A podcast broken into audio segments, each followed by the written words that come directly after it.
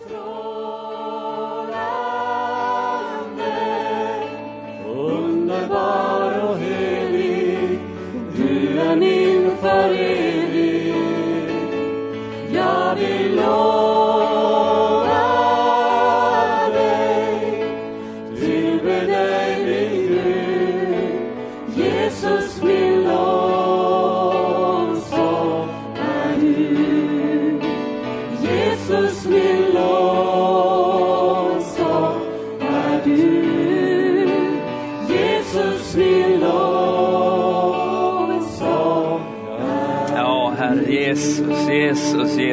tackar dig Herre. Vår lovsång Herre Jesus går till dig den här morgonen Jesus. Jag tackar dig att den nåden att vi får stå inför dig idag Jesus. Den nåden Herre Jesus. Den nåden Herre. Att du har tagit upp oss och kallar oss dina barn idag Herre Jesus. Att vi får vara insatta i det himmelska idag Jesus. Tack Herre för att du har fyllt oss av den helige Ande. Du har fyllt oss med kraften från himlen Herre. Jesus, att samma Ande som uppväckte Jesus från de döda lever på insidan av oss idag. Åh, vi kallas den helige Andes tempel den här morgonen. Jag tackar dig Jesus. Åh, för vi är dina vänner. Vi är dina vänner Herre. Du kallar oss dina vänner Herre. Jesus, jag tackar dig. Jag prisar dig Herre. Jesus, att vi får träda in till Fadern idag, in i det allra heligaste, inför din tron idag Herre. Där vi utestänger allt vad den här världen pressar på oss Herre. Där vi bara får stå inför dig Herre. Där vi får stå inför dig Fader. Gud himmelske Fader, att vi får stå inför dig, den levande. Åh, himmelens och jordens skapare. Jag tackar dig för det, jag prisar dig Herre. Tack Gud att du skänker frid Frid till oroliga hjärtan den här morgonen Herre. Frid Herre till hur ska det gå den här morgonen Herre. Tack Herre för att du rätar ut frågetecken och gör dem till utropstecken Herre. Jesus, oroliga själar stilla vi den här morgonen i Jesu namn. Och själen som inte vet var den är på väg, själen som är orolig, själen som bryter och bänder där på insidan. Jag bara talar frid till den idag i Jesu namn. Och jag bara säger till min själ att prisa dig dig Herre, att prisa dig Herre, att prisa dig Herre. Precis som David, varför är du så orolig min själ? Varför är du så orolig min själ? Åh, från himlen finns det ett oroa dig inte, oroa dig inte, oroa dig inte. Åh, jag är Herren din Gud och jag ser till att jag leder dig steg för steg för steg så oroa dig inte. Kasta alla dina bekymmer på Herren för han har omsorg om dig. Han har omsorg om dig. Han ser till dig. Åh, han ser till dig. Varför gör du dig alla dina bekymmer? Vad bekymrar du dig för morgondagen? Vad bekymrar du dig för vad du ska klä dig, vad du ska äta, vad du ska ha på din kropp? Åh, din himmelske fader ser till allt sådant. Allt sådant bara ser han till att ordna. Jag bara tackar dig Herre för din frid över oro idag Herre. Jesu namn Fader, jag tackar dig Jesus.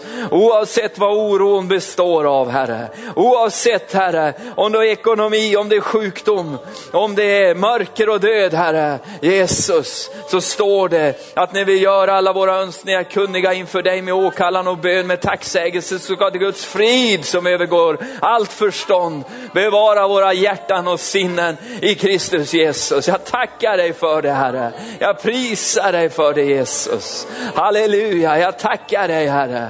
I Jesu namn Fader. I Jesu namn Herre. Halleluja, prisa dig. Tack lovsångare, eller tack för lovsången. eller underbart att vi får prisa Herren tillsammans. Amen, varsågod och sitt ner. Oro kan knäcka vem som helst. Bekymmer kan ju ta död liksom på det mest levande varelse. Va? Det är ju så. Men Gud har så många löften om oro och bekymmer i Bibeln att vi behöver inte oroa oss. Vi ska gå till honom istället. Bär inte din börda själv, ge den till Jesus. Han dog ju för det skullet, att du inte ska behöva bära den, utan han vill att du ska kasta det på Herren.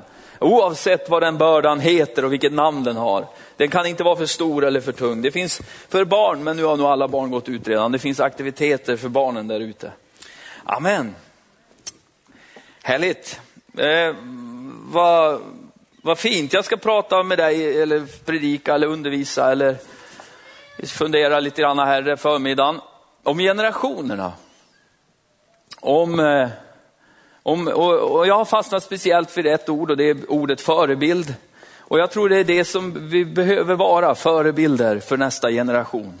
Att vara en förebild, att vara en som visar vägen. Och det finns ju då en betydelse av ordet förebild som jag då har slagit upp här, lite, lite fint. Och det kallas mönster, förebild eller modell. Det är att vara en förebild, att vara ett mönster, att vara en modell av någonting. Eh, och, och jag, jag, tror det behövs fasta, mogna förebilder i vårt samhälle idag för nästa generation. Jag vet inte, jag, men jag funderar ju mycket på de här grejerna. Men jag håller på med ungdomar nu, jag vet inte hur länge. Egentligen har jag ju aldrig gjort någonting annat. Jag var söndagsskolledare då jag var med i FSÖ Flärke. Jag jobbade med kyrkans ungdom när jag var med i Svenska kyrkan. Och sen har jag varit här, så jag har ju aldrig egentligen pysslat med något mycket annat än ungdomar. Va? Och då funderar man ju lite grann över de här grejerna. Hur ska man vara? Hur ska man se ut? Vad ska man säga? Liksom? Vad ska man göra? Det är ju liksom hela tiden, liksom, vi ska göra det senaste för att få ungdomar. Liksom, vi måste på något vis pumpa fram någonting. Va? Men jag har märkt att många av de här yttre sakerna, det är inte det som gör det. va? Utan det sliter ut dig och mig till att bli något onaturligt, någonting du egentligen inte är. Eh, vi var på en båt förra helgen, jag och så några ungdomar härifrån. Det var drygt 2000 ungdomar. Ungdomsorganisationen Ny Generation som arbetar på skolorna i Sverige och gör ett fantastiskt jobb. Och det var jag då. Och så en massa ungdomar kändes det som. För jag kände att gamle far är här. Det fanns några i min ålder till. va. Och, och, det var spännande, det var ungefär 170 ungdomsledare med på den där båten. Härliga människor som liksom ger sina liv till nästa generation som kämpar och sliter och håller på med ungdomsgrupper och ungdomsmöten och allt möjligt vad de gör. Va? Och, och då är det lite spännande att se då man har varit med ett tag. Va? Så tittar man liksom på på, på andra. Så här. Inte för att döma, inte för att kritisera, utan för att hjälpa och lyfta upp. Och det är så kul att man kan liksom krama om någon och säga, du, det kommer att gå bra det här. Liksom. Det kommer att ordna sig. Har, man har alltid något bekymmer som ledare. Va? Det är alltid något som trycker en. Det är alltid någon som liksom, något får som är någonstans där de inte borde vara, va? som man blir lite sorgsen över. Eh. Och då är det så kul att se några i min ålder som hade liksom, de, de såg ut som hiphoppare. Va?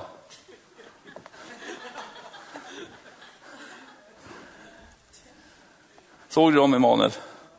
Nej, det var så mycket folk. Jag såg ju knappt mina egna ungdomar.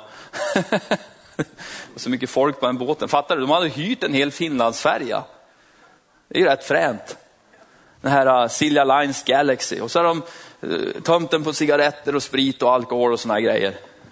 Så var det bara liksom, det var bara Jesus i ett helt dygn där ute på den där båten. Det var lite ovanligt och personalen var ju helt fascinerad. Det är ju helt otroligt det här. Va?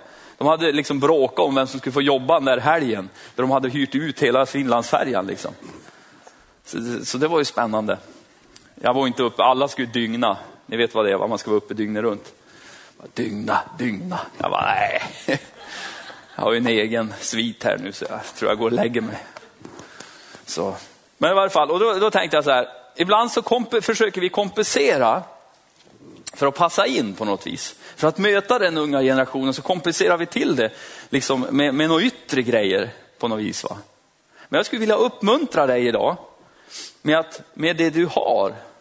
Med det du har. Och jag skulle vilja ha Jesus som den stora förebilden med det han hade. När man tittar på Jesu liv så, så är det, han hade ju inte så här alldeles jättemycket yttre grejer. Va? Han hade en fin mantel står det. Det tar gärna företagarna och framgångspredikanterna. Liksom, ah, han hade en fin mantel och så går man och köper en kavaj för 25 000 spänn. Liksom. Jesus hade det. Nej, men, ah, han hade en fin mantel och det är ju fantastiskt att han var välsignad med det. Men mycket folk följde den mannen. Han hade någonting. Och du har något. Du ska vara stolt för att du är lite äldre. Du, du, du har någonting som den unga generationen inte har. Och det är det du har användning för i ett, i ett läge av att vara förebild. Vad har du i din hand? Vad är det som liksom brinner på insidan av dig? Vad är det som, är, som lever? Det är, bara, det är det och endast det. Det är bara det egentligen som finns på riktigt. Som du kan liksom tala för och vara, för det är ju den du är. Det du hittar på för stunden för att försöka passa in eller få till det, det är ingenting som är långvarigt, liksom någonting som, som kommer att bära speciellt mycket frukt egentligen i, i bilden av ett föredöme. Utan det är egentligen den krassa verkligheten. Det var därför tror jag att då Jesus gick till Golgata och bar det här korset och när de såg på honom Herr Jesus hade ju det stora kortet i bakfickan, men det var bara han och Gud fader i himlen och den helige ande som egentligen visste om vad som skulle hända efter Golgata. För mänskliga ögon så såg han ut som en sönderslagen man som bar ett kors, en dåre kanske, en, ja vi vet inte vad. Men han hade ett kort, han hade någonting här i bakfickan. Och det var det de såg, det var det, de förstod inte riktigt vad det var, men han hade någonting som skulle betyda någonting för hela mänskligheten. Och det var det som attraherade människorna. Det var det som drog det till dem. Det är ditt kort, det du har. Liksom, man brukar ju säga, jag har liksom ett kort i armen här. Va? Liksom, jag drar fram det här sista kortet liksom, och så vinner du. Va? Du har ett kort. Du har någonting va. Du kanske inte är så frän och häftig och läcker liksom som jag. Eller du liksom... Nej, men, du, du, du, du, du, du är bara en vanlig man och, och liksom ibland så ser man ner på sig själv. Man är lätt att man tittar ner på sig själv. Äh, vad har väl jag då, liksom, mina ungdomar. Jag tycker du ska börja säga som Paulus. Slå upp det här ordet med mig, det här, det här, det här gillar jag. Va? I Filipperbrevet 3, 17-19 så säger Paulus några härliga bibelverser. Det är, det säger han så här, bröder, ta mig till föredöme och se, se på dem som lever efter den förebild ni har i oss. Tjoho! Hörni, gör som jag. En förebild, jag är ett föredöme, jag är en modell, jag är råmodellen. Jag är liksom, så här ska det vara. Ja men tjena, så kan man väl inte säga. Paulus kunde säga det. Var han en perfekt människa? Nej, det var Jesus som är den enda perfekta som någonsin har vandrat i ett par sandaler på den här jorden. Finns ingen annan förutom han. Men ändå, är han kaxig Paulus? Nej. Vad är det för fel på han då? Det är inget fel på Paulus. Det är bara det att han vet ju vad han har. Jag menar, det, det, blir så konstigt ofta att då vi kommer in på det kristna, då, då vet vi helt plötsligt precis ingenting. Och det är, ah, så här, så här. Men det, det professionella livet, det du kanske jobbar med varenda dag, ja, men det vet du hur det ska gå till. Liksom. Ja, men det, så här ska det vara, så här gör jag alltid, det här funkar varje gång. Det är ingen som skäms över att säga så. Ja, men vi gör så här och det är jättebra, vi har kommit på det här själv, man gör så här. Det funkar hur bra som helst, plank. Äh, bara, fy vad kaxig du är. Ja, men jag har ju bara jobbat med det här liksom i 40 år. Jag har ju bara varit snickare i 40 år. Ja, inte jag, men alltså ett exempel. Du har kanske gjort någonting hur länge som helst. Då är det inte kaxigt att säga att ja, men så här ska du göra. Va? Du har vandrat med Herren i många år. Det betyder något. Det betyder något. Du har vandrat med Herren måndag, tisdag, onsdag, torsdag, fredag, lördag, söndag. Du har vandrat med Herren länge. Och det betyder något. Det blir någonting i dig. Jag gillar en undersökning här. Jag gillar sådana här undersökningar som är liksom, vetenskap är ju bra. Alltså, de var ju kristna gubbar som kom på att de ville veta hur Gud har kommit på saker och ting. Och så blev det vetenskap. Va? Så det är bra. Här, jag läste en undersökning här som, som där det står så här, äldre ledare får unga människor att växa snabbare. Du kanske är förälder här inne som har tonårsbarn. Och du tycker just nu kanske att Justin Bieber eller någon annan har tagit över hans eller hennes liv. Va? För äh, hon umgås med honom hela kvällarna, varenda kväll inne på sitt rum. Och du gråter kanske, han har tagit över min dotter. Du kan vara alldeles lugn. Vet du varför? Vem var det som gav den här dottern mat då hon var typ fyra timmar gammal? Inte var det Justin Bieber inte. Vem var det som bytte de här äckliga blöjorna? Vem är det som har torkat alla tårar? Vem är det som har burit och tröstat? Vem är det som har förmanat och uppmuntrat då det har gått det tungt i matteläxorna eller vad det nu kan vara för läxor? Vem är det som har stött och blött problem? Jo men det är ju du min vän. Just nu kanske det ser ut som att Justin Bieber har tagit din dotter eller din kille eller vad det nu kan vara. Men du har investerat så vansinnigt mycket tid i ditt barn så vet du vad, du äger ditt barn. Även fast de inte erkänner det själva och även fast det inte ser ut så, så är det någonting som du bara har lagt där i, som bara finns där i. Det finns ingenting som kan påverka så mycket som du. Det är säkert. Ja men de säger att de hatar mig, ja men det är bara därför att de säger så. Ja men ska jag inte tro på det de säger då? Nej, gör inte det snälla. tro inte på vad de säger. För över lång tid, kanske över en kort tid så ser det lite annorlunda ut. Men för att ha en lång tids påverkan i en människas liv måste det finnas fysisk kontakt. Det måste finnas, liksom, det räcker inte att sitta på Facebook. Jag, fick höra här för någon att ja, nu har de börjat gymnasiet och nu har de fått nya kompisar och nu går det käpprätt åt skogen alltihop. Då, kan, då brukar jag ställa frågan, ja, men hur, hur nya är de här kompisarna då? Ja, två veckor alltså. Ja, men du, absolut, de kanske har inflytande just nu, men jag känner någon som har ett större inflytande och det är du. va? Man måste, du måste tro på det. Du måste tro på det, att du har inflytande i dina barns liv. Du har det. För då, när du tror på det, då börjar du agera annorlunda också. Men när du går på lögnen, när de säger jag hatar dig mamma, du är ful och du är äcklig, eller pappa vad du luktar bara äckligt. Sluta jobba du Eva. Och du börjar gå på lögnen. Du kanske, de, de tycker så absolut just nu och där, men du har, ett, du har ett investerat kapital där inne. I ett behov som heter, jag vill bli sedd, jag vill bli bekräftad, jag vill bli hörd. Och där hoppas jag att du har satsat så mycket tid och ork och kapital som möjligt i ditt barn. För ju mer du har satsat där, ju mer makt har du faktiskt. ju mer inflytande kan du ha va? över lång tid. Kanske inte över kort tid, det kanske blir till och med en tonårsperiod där du tänker att, men du, du är lust att skjuta Justin Bieber va? Få bort han från scenen. Men den tiden tar slut. Ditt barn kommer ju inte bara bli 15. Va? Det, det slutar inte. Det kommer inte bara bli 20 heller. Det kommer att bli 40 till och med.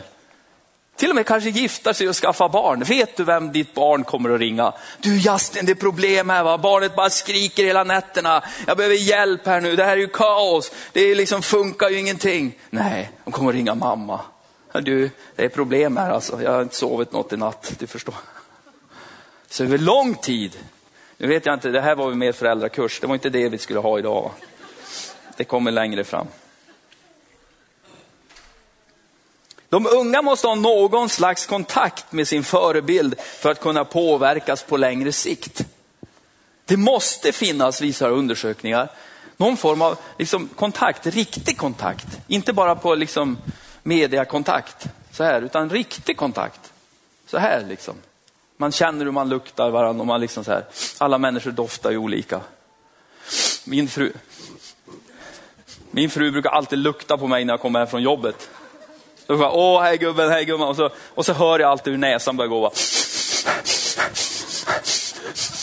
Den värsta stövaren liksom. Ja, jag vet.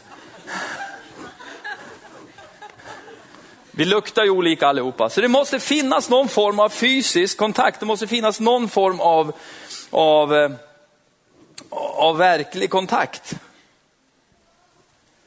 För, för att komma åt det här. Och du har ju olika grejer, klubbidrott, bla bla bla, alla möjliga liksom, liksom saker där, där, där, ungdomar får en, får en kontakt med vuxenvärlden på olika sätt. Va? Och i kyrkan är det samma sak. Det är inte vi och dem liksom. Vi är äldre, de är yngre. Och ungdomarna de bara, de bara stökar till. Och vi äldre vi försöker ordna till det efteråt och städa och få det snyggt igen. Så att det blir så här perfekt som vi vill ha det. Va? Och så håller man på så där.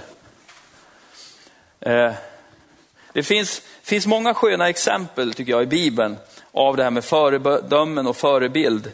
Att, att gå före och ta med sig den unga generationen.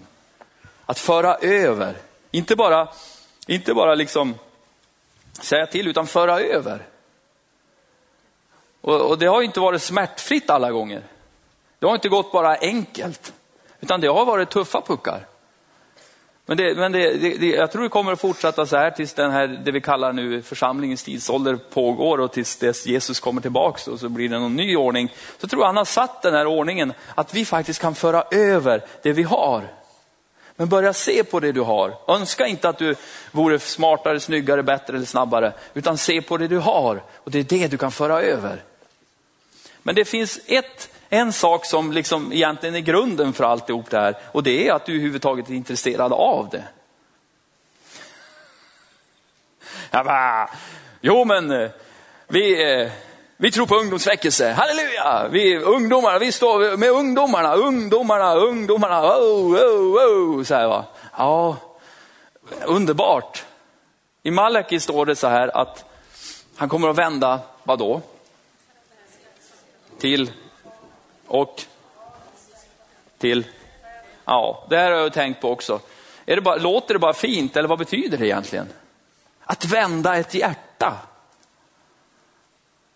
Vad är mitt hjärta fyllt av och vad är mitt hjärta vänt till egentligen?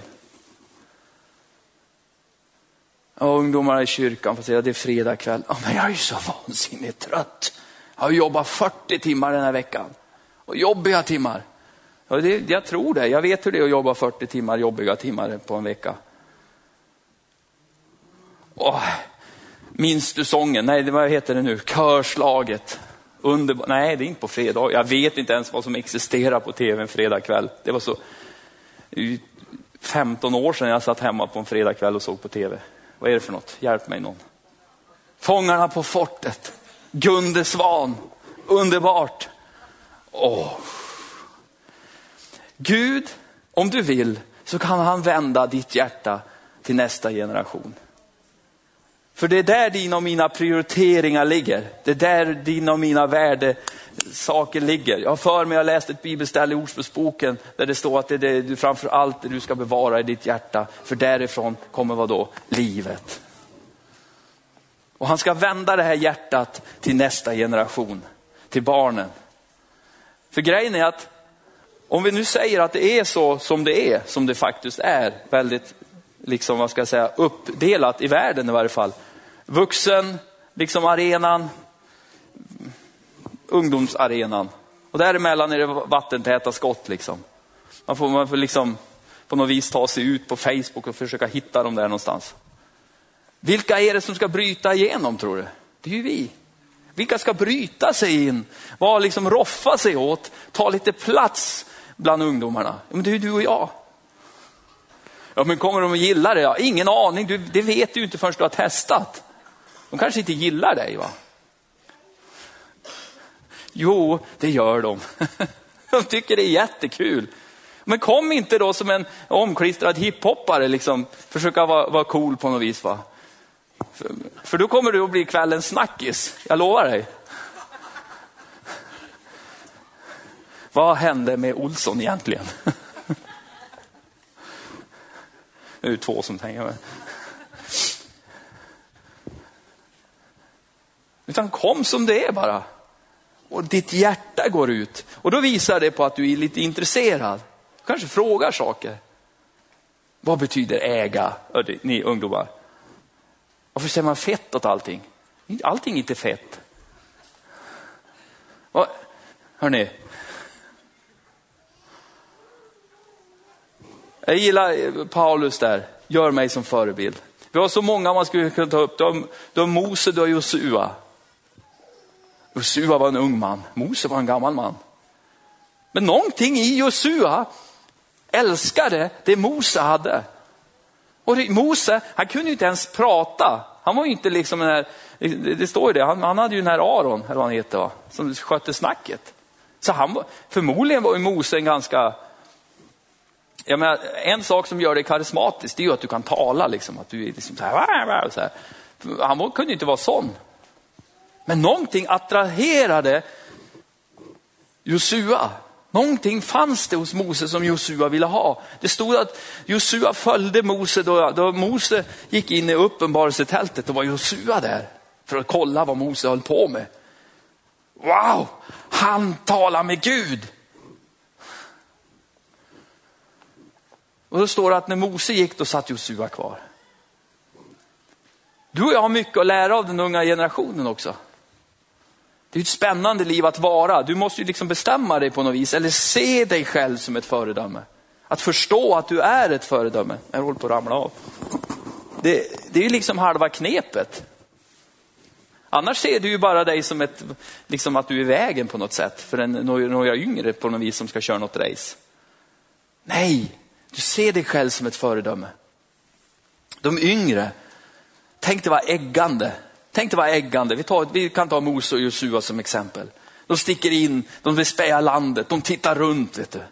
Och så kommer hela den här skaran tillbaks av spejarna. De, lite äldre, de ser bara problem och jobbiga grejer liksom, och bekymmer och saker. Va? Inte Josua och Kaleb, de såg bara möjligheterna. Tänk det var utmanande. Jo men det här det borde funka. Det borde gå. Det är ju som en ung människas liksom, grej. Va? Kommer de på något så är ingenting omöjligt, även om det är livsfarligt. Varför? För man kan inte dö. Alla andra kan dö, men inte jag. Jag är 18 år, kung och odödlig. Det finns ingenting som kan stoppa mig i min framfart. Det är därför oftast unga människor kommer på sådana här liksom, smarta grejer, sådana här härliga grejer. Liksom.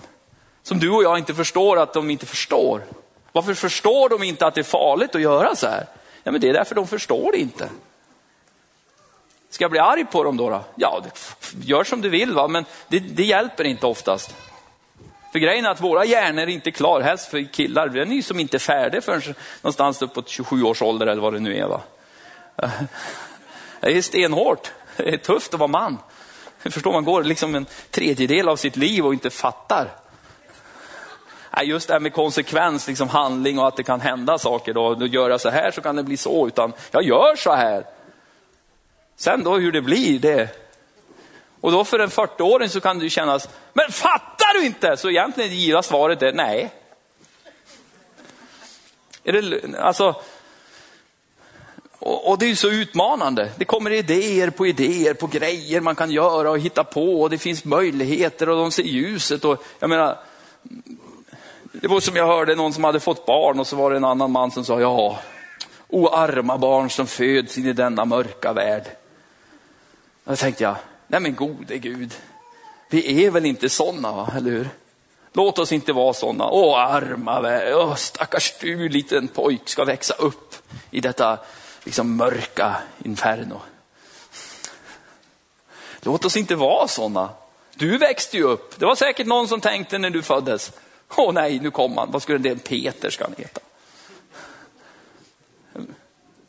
Och så tänkte åh han är ju helt hopplös va. Och så tänkte de, det kan inte bli värre än så här. Och nu tänker du och jag om allt internet och all grej och det som pågår runt omkring oss. Så tänker vi, det kan inte bli värre än så här. De växer upp i detta mörker. Ja men vet du vad, de klarar det. Du klarade det, de klarar det. Varför? Ja, men de är ju födda i den tid de ska leva i. Inte en människa på den här jorden är född i fel tid, vet du det? Det är inga vikingar nu va. De föddes då de skulle leva, sen dog de. Sen föddes vi, vi lever nu, för vi ska, det här är, ju, är det någon som förstår det här? Ja men det är bara bra att påminna sig lite grann va. Och dina barn, de är födda in i rätt tid. Och omständigheterna, de är ju som de är. Därför måste vi bara lära de unga att leva i seger i den här tiden. Att övervinna det som ska övervinnas. Att ta sig igenom det som ska tas igenom. Att ge dem de rätta nycklarna och verktygen. För du har ju nycklar, du har verktyg. Du vet hur man vinner seger liksom över orenhet. Du vet hur man vinner seger över liksom alla möjliga grejer. Va? Bara överföra det på de unga. Så föredömets kraft, makt är enorm. Att de har någon att se, se upp till, se på. Någon att fästa sin blick på. Och vet du vad? För ett barn i en familj, bara det att de får se att deras föräldrar går till jobbet varje dag förändrar dem. Ja men, vad coolt. Nej, det var väl inget coolt. Men bara se att deras föräldrar, även fast deras föräldrar är trötta, de är liksom, de är less kanske på jobbet, men de går ändå. Det, det ger dem en, en, liksom en bild av vad, liksom, de gick ändå. Pappa, pappa gillar inte sitt jobb, det vet jag, men han gick ändå. Han gjorde det ändå. Han gör det varje dag. Varför gör han det? Han gick, han gick, han har gått de senaste tio åren. Men han går. Det skapar något i barnet. De ser något. Du går på möte varje söndag. Varför då? Det är det roligaste man kan göra en söndag. Absolut. Amen. Det är det bästa du kan göra en söndag. Ja, men han, ibland ser han lite trött ut pappa när han sitter i bilen. Lite stressad. Men de ska minsann på möte av någon orsak. Varför all sin dag då? Det är viktigt för dem. De älskar Jesus. Mamma och pappa pussas. Fy vad äckligt.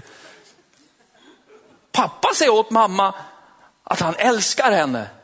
Varje dag säger han det, flera gånger om dagen. Det, det lägger någonting i den unges hjärta. Någonting hamnar där. Och de tänker, det måste vara något väldigt speciellt med min mamma. De måste tycka om varandra och alldeles oerhört.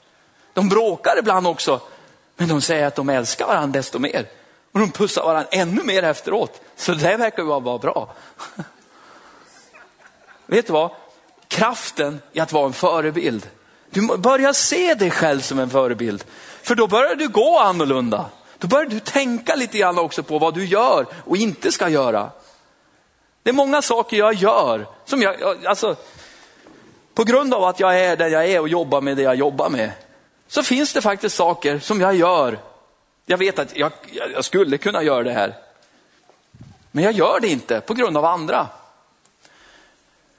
För den dagen när jag blev frälst så står det faktiskt att jag inte lever längre. Inte för mig själv i varje fall, utan jag lever för andra människor. Kraften, exemplet som förebild, det har egentligen inte så mycket med ålder att göra. Va? Utan jag menar Maria, hon kan vara en förebild för en sjuåring, åt, nej, fyraåring. Nej. Hon kan vara en förebild för någon yngre. Hon kan även vara en förebild för en äldre. Paulus säger till den unge Timoteus, var en förebild för församlingen. Var en förebild för de troende. Säger han till den unge Timoteus. Var en förebild. I vad då? I ord, i handling. Gå före. Visa hur det ska gå till. Säger Paulus till den unge Timoteus. Så ibland tror jag man tappar lite grann det här att det är viktigt det du gör. Det är jätteviktigt hur du lever ditt liv. Om vi ska investera, du och jag vi slåss mot en miljardindustri om den unga generationen. Det är bara, det är bara att erkänna. Och vi får hippa det, hoppa det hur mycket vi vill. Och vi får ha hur mycket prylar som helst, vi kommer aldrig upp i nivån. Men du och jag, vi har ett fett kort i armen. Vi har liksom ett sånt här jättekort som vi bara kan dra fram och bara slå framför näsan på djävulen. Vad har vi? Vi har en frid som övergår allt förstånd. Vi har en glädje som aldrig tar slut. Vi har ett löfte om en evighet tillsammans med Gud. Vi har syndernas förlåtelse. Vi har så många grejer min vän. Wow, det är bara det att vi måste bara ut med det här. Och att människor får se att wow, vad är det här? De är fyllda av frid, de har glädje. Enormt glada människor här på kyrkan. De är inte så gråa, och trista och tråkiga som jag alltid har trott. Tänk dig för några fredagar sedan hur en liten tjej sitter här på ungdomsmötet. För övrigt är det väldigt roligt på ungdomsmötena nu för tiden. För det är likadant varje år. Det åker alltid iväg en massa ungdomar på bibelskolor, andra skolor och allt möjligt. Och så, så räknar man i sitt sinne, ja men hur många har jag kvar nu då? Så kommer man på, ja men det är ganska många. Ja Gud bara, hmm. så här, hjälp mig. Och så är det mer ungdomar än någonsin just nu då. Så det, det är jättekul. Och då funderar jag, varför i all sin dag kommer de hit? Jag tror det är bara Gud. För det finns ett ord som säger, säger så här, villigt kommer mitt folk när han kallar sin, sin här. En ung skara, en helig skara. Liksom daggen kommer ur morgonrodnaden. Den kommer inte som spöregn uppifrån, det kan vi räkna ut. Den kommer som vi minst anar det. Man går ut en solig morgon och så har man sin bästa sockar på sig och så bara, åh jag måste springa runt på gräsmattan som en elva, tänker man. Alltså jag har aldrig tänkt. Men och så tar man på sig Lucia-klänningen och så springer man ut och så upptäcker man att man är blöt om fötterna. Tänker man, vad? Det är ju blött, inte ett moln. Morgonrodnad, den bara kommer. Helt plötsligt så bara finns den där en viss tid. Så här. Så är det. Men du och jag, vi, vi har någonting. Tro på det du har. Var frimodig med det du har. Jag tycker Paulus äggar en till det, att vara frimodig. Det är, näst, det är fult i Sverige att vara frimodig. Lite grann fult är det fortfarande. Men du, var frimodig med det du har. För du har någonting. Du har någonting att ge. Det, jag har aldrig fått så många, jag, Förra, vi ska ju dit igen nu också, på, på Youth i fjol så predikade han predikan om frid. Frid! Och då tänker man, jag har tusen ungdomar framför mig. Är det det här som piper eller vad är det för något? Nu ska han försöka köra mig med en fjärrkontroll också. Stäng av bara. Off. Eh, eh, jag ska predika för ungdomar. Och så kommer ämnet frid. Frid. Ja, men jag skulle vilja predika liksom lite mer gå i. Liksom. Jag tusen ungdomar bara, alla bara amen, han Jesus stilla stormen i stormen, usch, liksom köra igång dem lite grann och ha så här. Nej, då ska vi predika frid, ska byta mick eller något.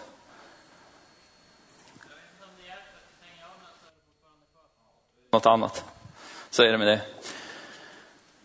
Men vet du vad? Jag har aldrig fått så många, åh tack ska du ha, vilken bra predikan, efteråt.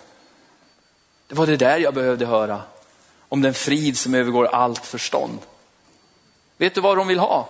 Vet du vad människor vill ha? Vet du vad du vill ha? Du vill framförallt ha frid. va? Du vill ha lugn och ro på insidan. Du vill kunna må bra, du vill vara en hel människa. Mättat begär på insidan.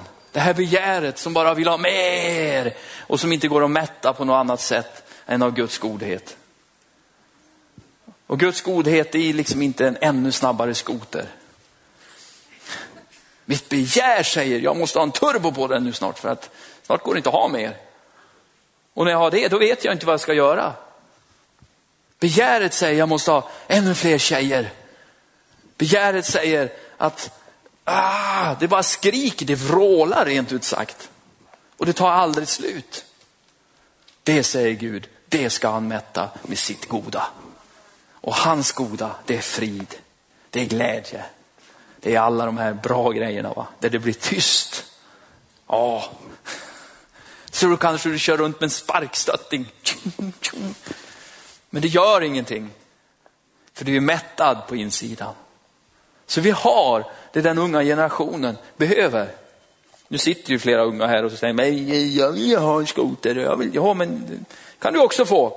Och så, och så säger hon, hur vet du vad jag vill ha? Nej, men det är bara det att alla vill ha det egentligen. Ska du säga vad jag behöver? Nej. Låtsas att du inte är här då. Eh. Men att, att, få, att vara ett föredöme, det är ju framförallt då inte att dra människor till dig. Att du, utan det är att få människor att komma till korset, att komma till Jesus. Så du i din personlighet kan vara lite som du är. Men att låta Jesus få lysa fram genom dig, som det står i Bibeln. Att Jesus får stråla ut ur dig. Så när de ser dig så vet de egentligen inte riktigt vad det är som är tilldragande. De kan inte riktigt sätta fingret på vad det egentligen är som gör att Helena är så speciell. Va? Nu vet jag ju det. Men, men det är någonting med henne va? som gör att de dras till dig. Och det är ju Jesus. Så då att, att bara få leda unga människor till korset, till Jesus. För det är en samlingsplats för alla generationer. Där är ingen för gammal eller ingen för ung. Där finns det plats för alla människor i hela jorden, hela världen, genom alla tider. Vid korsets fot är inte en liten trång plats dit några få exklusiva människor kommer, utan det är dit syndarna kommer, du och jag kommer och får nåd och förlåtelse i rätt tid. Amen. Och vet du vad? Ta en ung människa vid handen och bara leda den dit. Jag förstår, Jesus kan hjälpa dig med det här. Jesus kan ta dig ur det här. Jag har så svårt, alltså det här med datorn har ju tagit över mitt liv. Jesus kan hjälpa dig med det här. Och vet du vad jag tycker du ska göra? Skaffa ett Facebook-konto. Nu är jag, det här var konkret. Okej, vi kan säga f-a-c-e-b-o-o-k.se. Så går du in där och så skapar du en liten, liten profil där. Skriv in ditt namn och lösenord och grejer själv. Lägg upp lite bilder på dig själv liksom, från när du var ung eller något. Va? Ta något snyggt. Så var du där ute ett tag bara. Skaffa bara en massa vänner, ett par, tre hundra stycken får man ganska fort. Det är ju inga nära vänner så va, men det är ju ändå vänner, det kallas vänner. För vet du vad? Du får säga vad du vill och du får fnysa åt det och du får se ner på det. Men grejen är att det är en verklighet. Det är på riktigt. Och det är där de har sina sociala kontakter många gånger. Det är där de har sina samtal. Det är där det pratas om grejer. Och är det riktigt viktigt så står det vi tar det här via meddelande istället. Eh, så, så, så, det är ju en verklighet, du får ju tycka vad du vill. va. Men jag tycker du ska finnas där. Och du ska in i liksom, om du ser en, det är någon du känner, någon ung människa, och så ser du att de skriver en massa grejer som du känner att, uh, ja, men tryck inte bara bort det och gå och grina någonstans. Skriv en rad. Hej kompis. Varför? För helt plötsligt så dyker du upp där, mitt i det här gottandet av någonting. Och så står liksom Mats Ingman där då. Hej på dig kompis! Det verkar inte så bra det här, eller hur? Och så smileys. Och då känner man, han är, alltså, Mats, han är ju äldre. Och som jag, någon har hört det, som jag, jag kan aldrig låta bli att skriva det, ja, men liksom så här, va. För, ja, de skriver ju som det är bara så här. Då kan, jag slänger alltid in någonting. Men du, vännen, det kommer att bli bra det här ska du se. Det var någon som sa att han förföljer mig överallt. Ja visst, det är mitt uppgift. va. Du ska inte tro att du kommer undan hur lätt som helst i ditt liksom eländiga leverne. Så skaffa ett sånt, finns där ute. Skriv, uppdatera. Dela med dig av bra grejer. Skriv om Jesus. Säg vad Jesus har gjort i ditt liv. Bara finns där, predika på bara, kör på. Så koppla ihop det med ditt Facebook, med, med ditt Instagram och ditt Twitterkonto och allt vad du nu kör på med. Va? En del förstod inte vad jag sa riktigt nu, men det gör inget. Och då känner du, nej det där klarar jag inte av. Nej, men då behöver du inte det. Låt oss, låt oss möta det behov som behövs. Det finns ett enormt behov av bekräftelse i en ung människas liv. Låt oss som församling möta det behovet. För det måste mötas och någon är villig att möta det. Det här är de så fruktansvärt slipade på i världen många gånger. För de vet precis vilka sociala knappar det ska tryckas på för att liksom möta det här.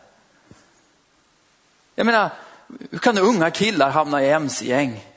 Jo, men de blir bekräftade. Någon som lyssnar, någon som uppmuntrar. De säger, du grabben, du är bra. Det är ju helt galna grejer. va? Men det spelar ingen roll. Det måste mötas. Jag, jag, tror ju så här, att varje människa, nu får du tro vad du vill. Jag tror, du och jag, varje människa har ett behov av bekräftelse.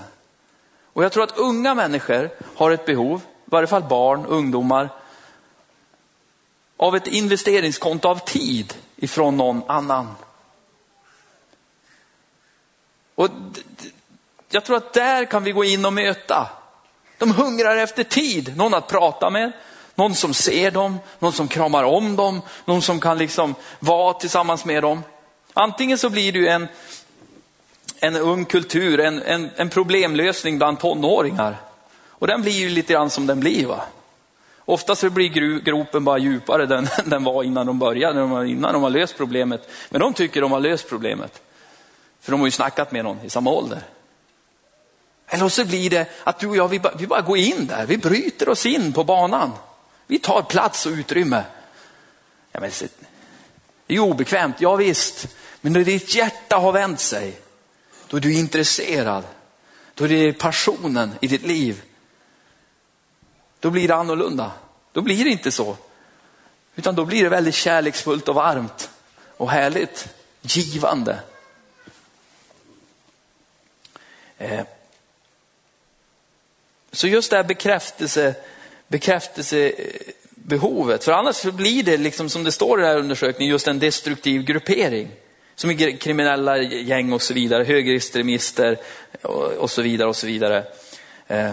Så när positiva bilder saknas står det redo att fylla tomrummet. Låt dig och mig vara positiva Jesus förebilder. Ja? Var inte så blyg med det du har. Ja, men Hasse, jag tror att alla ungdomar i den här stan skulle vilja höra Hasses stories. Jag förstår, jag kom uppifrån landet, jag är uppvuxen i en liten by. Och så sen är han igång. Förstår, Jesus gjorde det här och vi åkte dit och du förstår, vi bara stod där, vi var alldeles ensamma och då kom Jesus. Va? Vilka stories, de vill höra vad du har att berätta. Dina Jesus-grejer. Nej, jag har ju ingen. Ja, men du blev ju frälst en dag. Ja, men var, det var så tomt, det var så mörkt, det var så eländigt. Och jag satt där i min, min ångest och min bedrövelse och helt plötsligt så kom han, Jesus, och bara frälste mig. Är det sant? Ja, det är sant. Sluta lev ditt liv för dig själv, lev för någon annan istället. Var en förebild. Det är så lätt, jag har sett det om och om, om igen. Man är, man är ung i kyrkan. Man har förhoppningsvis en hängiven ungdomsledare eller ungdomspastor och en härlig liksom, församling man är med i. Man ger järnet tills man är typ 23-24 år. Då på något vis så, jaha, ja men då var det klart då. Klart. Nej, och då blir man liksom, det, det, blir som, nu säger inte jag att det här är en regel utan undantag, men det finns ett mönster. Så blir man som en ung vuxen på något vis. Va? Och sen då vaggas man in i det och sen blir man vuxen och då är man som med i församlingen, man är med och hjälper till lite grann så här och så. Du är alltid en förebild. Varje dag, från den dagen du blev frälst, så satt Gud dig som ett exempel på ett kristet liv är och menat att vara. Han tror dig, han, han liksom tror på dig så starkt. Han tror på att du klarar det. Han, du måste också börja tro på det. Jag måste börja tro på det. Det är viktigt det jag gör. Att leva för någon annan, det är ju fantastiskt. Och jag menar, det finns ju så många tusen ungdomar i den här stan. Det är enormt många tusen. De är ju inte här på fredagskvällarna. Några av dem, någon procent är här. Och de är inte i de andra kyrkorna heller. Riktigt allihopa än. Så de är ju någonstans. Och någonting gör de ju. Det är väldigt få som sitter absolut blickstilla en längre tid. En kort stund. Men inte speciellt länge. För då blir man, då blir man ju rastlös. Du och jag kan ju sitta still hur länge som helst och hoppas på att det inte ska hända någonting. För det blir ju bara jobbigt va. Man blir ju som lite stel också. Man blir, åh, det blir jobbigt, det tar på. Ja, det är därför Gud måste vända våra hjärtan till den här unga generationen där det händer någonting hela tiden. Oh. Som ibland man längtar, liksom, åh, snart flyttar barnen hemifrån, åh vad mysigt. Då ska man ha liksom en etta liksom, längst upp i något hyreshus någonstans, alldeles tyst.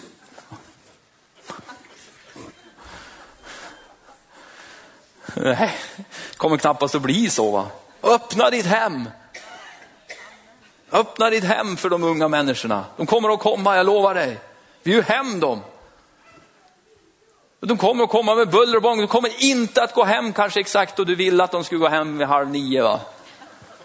För halv nio det är ingen tid. Det är liksom, utan halv nio det är, då, är, då är man så. Men du behöver, inte, du, behöver, du behöver inte vara partykungen, jag lovar dig. Se bara till att bullarna finns där och liksom lite så här. De, de kommer att bara gilla att vara där hemma hos dig.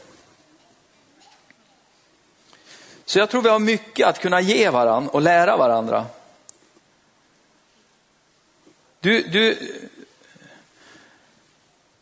ska runda av här. Du, du har livet tillsammans med Jesus du kan leverera till dem. Du har bönen, du har din bibel, det, det, det du kan om Jesus, det du vet om honom.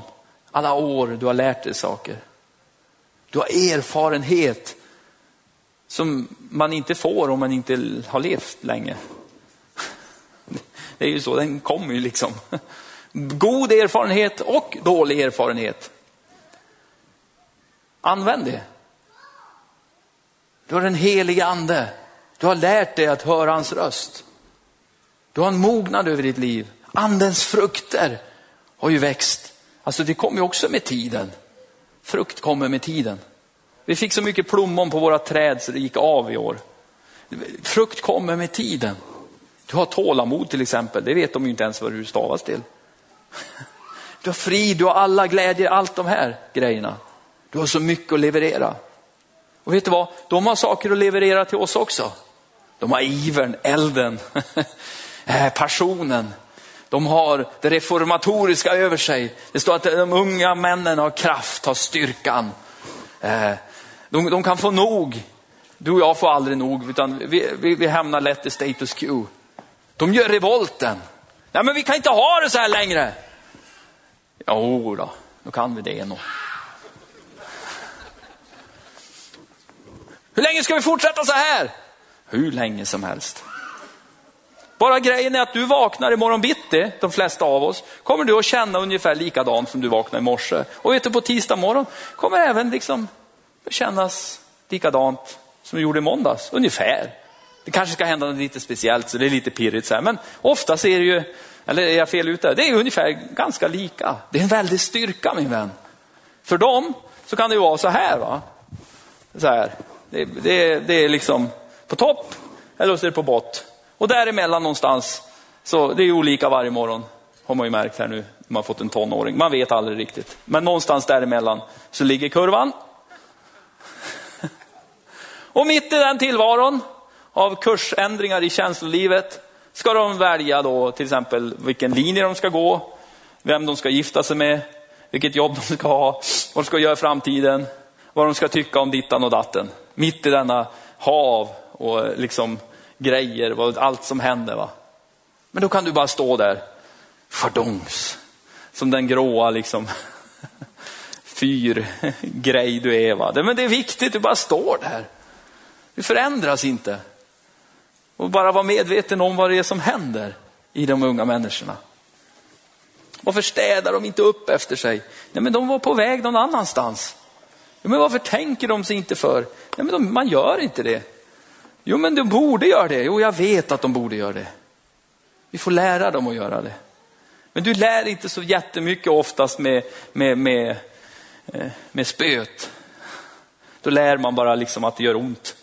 Och till slut slutar man göra någonting för det gör ju alltid ont. Utan man lär väldigt bra att ta någon vid handen. Att vara ett föredöme, att leda någon till rätt plats. Från punkt A till punkt B. Det är det en ledare gör. Amen. Så låt oss befrukta varandra. Unga och gamla. Inte, inte se snett och tänka liksom bara ah, motsats, motsats, motsats, motsats. Hela tiden det är motsats, vi är så olika, motsats. De gamla de är ju som liksom de aliens från en främmande värld som förr har varit. Och vi tycker de unga är någon form av aliens som har invaderat våran trygga vardag. Man förstår inte. Nej, du behöver inte förstå, älska istället. Du och jag behöver inte förstå, det är ungefär som man gifter sig. Det är ju tur Gud inte sa, om mannen ska förstå sin hustru. Utan det står faktiskt att mannen ska älska sin hustru som Kristus har älskat församlingen. Tänk om det hade stått att mannen ska förstå sin hustru. Det skulle ju aldrig gå. Va? Älska de unga människorna. Be till Gud, Gud, låt mitt hjärta, låt det stå som det står i profetian, låt mitt hjärta vända sig till de här unga människorna. Gode Gud, alltså hela mitt liv, mitt hjärta, låt det få vara min passion, det som jag brinner för. För vet du vad, om inte vi gör det, då är vi ju borta, vi dör ju en dag allihop. Aj, jo, vi gör det, jag lovar. Det är ett löfte alltså. Vi, vi kommer att göra det en dag. Och vad är det efter oss sen? Har vi inte passionen att få med oss, att dra med oss, att lära, att leda, att trösta, att lyfta, att vinna de yngre, så kommer det ta slut med oss. Och det är ju ingen som vill det. Att kanske någon vill det, men väldigt få, de flesta tycker det är bra att vi finns. Och vi ska finnas. Ja. Så bara be Gud, och samma med er, er unga också. Be till Gud. Jag måste lära mig att förstå de här. Det gäller också att, att ni unga, ni väljer ju era förebilder. Ni väljer ju vilka ni ska följa. Om ni nu skulle sno era huvuden här inne så ser ni ju lite olika. En del har mindre hår, en del har mer hår. En del har glasögon och så vidare och så vidare. Va? Vet du vad? Det är föredömen, de har gått före er i tron. Tro faktiskt att de har någonting som betyder något för dig. De kan hjälpa dig med olika grejer och de gör det mer än villigt. Men ibland så vet vi inte riktigt hur vi ska uppföra oss gentemot er generation. För att vara ärligt talat, jag tyckte det var så skönt sagt av någon förälder som hade fått en tonåring precis och det var bara grejer. Och hon var deras första tonåring och har sagt så här liksom att jag har ju aldrig haft en tonåring som du förut så jag vet inte riktigt hur vi ska göra det här. Det var väldigt ärligt sagt tycker jag. Och ibland så kan det vara lite knepigt så här. Man kanske vill, du kanske sitter här just nu och så bara känner du, jag måste göra någonting. Jag vill bjuda någon på fika idag. Någon ung människa, men du vet inte riktigt hur. Jag har lösningen. Bjud någon på fika. Bryt isen. Och jag tror det är mycket, mycket, mycket upp till våran generation att bryta den här isen. Bryta oss in, bryta oss in på alla möjliga områden. Så, så säg som Paulus, var frimodig i det du har. Tänk på det du har. Tänk inte på det du inte har. Var inte någon annan, var den du är. Försök inte fräsa till det här nu från den här söndagen och framåt. Ja, du, du vill får du göra det, klä dig snyggt, det är fantastiskt. Men det är inte det som avgör i det långa loppet. Utan det är att du tror på det du har. Du bara ger det vidare till nästa generation. Sen, sen går det att bli, liksom, går det att göra på så många olika vis. Va? Jag har ju förmånen att jag får göra det liksom i mitt jobb. Så det är, lätt, ja, det är ju lätt för dig att säga Andreas, ja jag vet. Jag har ju väldigt, ni har det ju mycket knivigare än vad jag har det. Ni måste ju hitta någon väg liksom där. Men det, de finns ju runt varandra hela tiden. Amen. Låt oss be. Vi tackar dig himmelske Fader för att du har kallat oss att vara föredömen Herre. Tack Gud för att du hjälper oss att vara föredömen. Jag tackar dig Herre att oavsett egentligen vilken ålder vi har Herre Jesus så finns det alltid någon som kommer efter och ser på oss och ser upp till oss och vill följa följa någon. Alla vill följa någon, Herre Jesus. Alla vill bli bekräftade, sedda och hörda, Herre. Gud, jag bara ber, Herre. Jag tackar dig för det här ordet, att du, Herren, du ska vända fädernas hjärtan till barnen och barnens hjärta till fäderna. Och jag tackar dig, Gud, för det, att våra hjärtan får bli vända, Gud, till de yngre, till de som kommer efter, Herre. De som ska ta över, Fader, då vi är gamla och gråa. Att våra hjärtan får vända dit, att vårt fokus får finnas där. Även fast vi är trötta, även fast vi är ledsna så får, får livet komma ut. Vårt hjärta får vända sig. Vårt hjärta får vända sig Herre. Vårt hjärta får vända sig Herre. Jesus, därför att vi älskar Herre, därför att vi bryr oss Fader. Därför att det är roligt också, det är passionerande Herre, det är upplivande Fader och det är utmanande Gud. Jag tackar dig för det Herre, att det är livet Herre, då inte jag bara lever för mig själv, utan jag lever för någon annan annan. Jag lever för ett högre syfte. Jag lever för, ett, för att nå ett annat mål, Herre Jesus. Åh, Herre, jag bara ber Gud för att, för att man kan säga som Paulus sa, bara följ mig, ta mig som exempel. Lev som jag gör, säg som jag gör, så ska du se att det, det går bra. Inte kaxigt arrogant, utan bara med att jag tror på det jag har fått av dig Gud. Jag tror det har funkat för mig i 50 år, eller 40 år, eller 30 år, eller hur många år det nu kan ha varit. Det har funkat. Vi har tagit oss igenom olika strider och grejer. Och det har fungerat. Och det är bibliskt och det står i Guds ord. Och att man bara får ge vidare till nästa generation, Herre. Jag prisar dig för det Jesus. Jag ber också Jesus för ungdomarna Fader, som finns i den här världen Herre, som vandrar här utan hopp och utan ljus Gud. Inte först och främst nu Gud, de som tror på dig redan, utan de som inte tror på dig, inte har funnit dig, funnit dig Jesus. Herre, jag bara ber Herre, att den här världen, i det här gungflyt som finns Gud, där det saknas både fasthet, regler, ramar och normer Herre, så bara ber jag att din församling i den här tiden Gud ska ha sin storhetstid Herre, på grund av att det finns normer Gud. Det finns något som är rätt och det finns något som är fel Gud. Det finns kärlek, det finns värme, det finns tålamod, det finns frid Herre.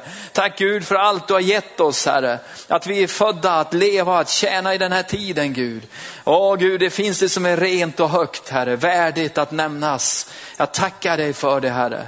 Gud Fader, Gud Fader, att din församling ska lysa, stråla fram ut i ungdomskulturen, Herre. Inte på grund av det vi inte har, Herre, utan på grund av det du har gett oss, Fader. På grund av det som finns, Herre. Ja, på grund av det du har planterat in, Gud. Jag tackar dig för det, Herre. Tack Gud för att vi får vara med och påverka in i, den, in i ungdomskulturen, in i ungdomsvärlden, in i nästa generation, Herre. Ja, Gud, det får komma, Herre Jesus, på det sätt du vill, Herre. Gud Fader, Fader, jag tackar dig för det Jesus. Jag tackar dig Herre. Jag tackar dig Jesus. Åh Herre, så låt oss inte skämmas över det vi har utan Jesus, att vi får vara stolta Herre, att tillhöra dig Jesus. Vi får vara glada, tacksamma Herre, över det vi har fått från dig Jesus. Vi får vara uppfyllda av det vi har fått från dig Herre. Jag tackar dig för det Jesus. Jag prisar dig Herre. Prisat vare Herrens namn. I Jesu namn. Amen. Det är ju så, han uppmanar oss också, Paulus, att följa de goda exemplen och inte de onda exemplen. Och jag tror det är lite grann som jag bad den här bönen och det har varit, det är en längtan i mitt liv. Att människor, unga människor som inte känner Jesus, inte har en aning om vem han är, inte har upplevt värmen, inte fått vara med om det här. Eh, och det var dit det jag skulle säga tidigare i, i, i mötet också, att, att, att få möta Jesus i församlingen genom de som finns här. Som en tjej förra, för, förra ungdomsmötet satt här, aldrig haft sin fot i en kyrka tidigare, aldrig liksom reflekterat över Gud, över Jesus, över de här grejerna. Bara sitter här under predikan så bara kommer Jesus till henne. Hon bara upplever hur någonting på insidan rörs om och släpper. Så här. Alltså vi har ju något som den här världen, det är ju det de skriker efter. Det är det de vrålar efter. Att bli sedda, hörda och bekräftade. Och då inte ens familjen och föräldrarna räcker till så finns den himmelska dimensionen som bara Gud som ser, Gud som hör, Gud som bekräftar och rör. Wow, vi har det den här generationen behöver. Vi behöver inte fräsa till det. Vi behöver, vi behöver liksom inte ens mm, vara coolare eller häftigare eller någonting. Vi har det redan. Det är bara det att vi bara får ut det på ett bra sätt. Amen. Så, så vi, vi har det stora kortet som bara, vi kan bara dundra i ansiktet på djävulen. Balans. Så när alla andra har tystnat, skrikit och vrålat färdigt, vad de nu har för artistnamn, så är Gud kvar. Och det är tryggt. Så bara var uppmuntrad, jag vet inte, det här var ett litet föredrag nästan. Eller det var inte direkt ett bibelstudium kan jag säga. Men jag vill bara uppmuntra dig, bara tro på dig själv, eller inte på dig själv, men det du har fått. Gå rak med det. Buff, det här, så här är det. Alltså man går på bröllop efter bröllop efter bröllop och man förundras över alla talare. Och man hör tidsandan. Ja, jag ska ju hålla tal här idag och man ska ju inte ge råd. Nähä, då är jag utan jobb då. Så jag brukar säga så här. Ja, ja, jag skulle vilja hålla ett tal till dig och nu ska jag ge dig en massa råd, för det är mitt yrke, jag är pastor och jag ger råd, förstår du. Man säger ofta så här, det är svårt att ge råd. Varför säger man så?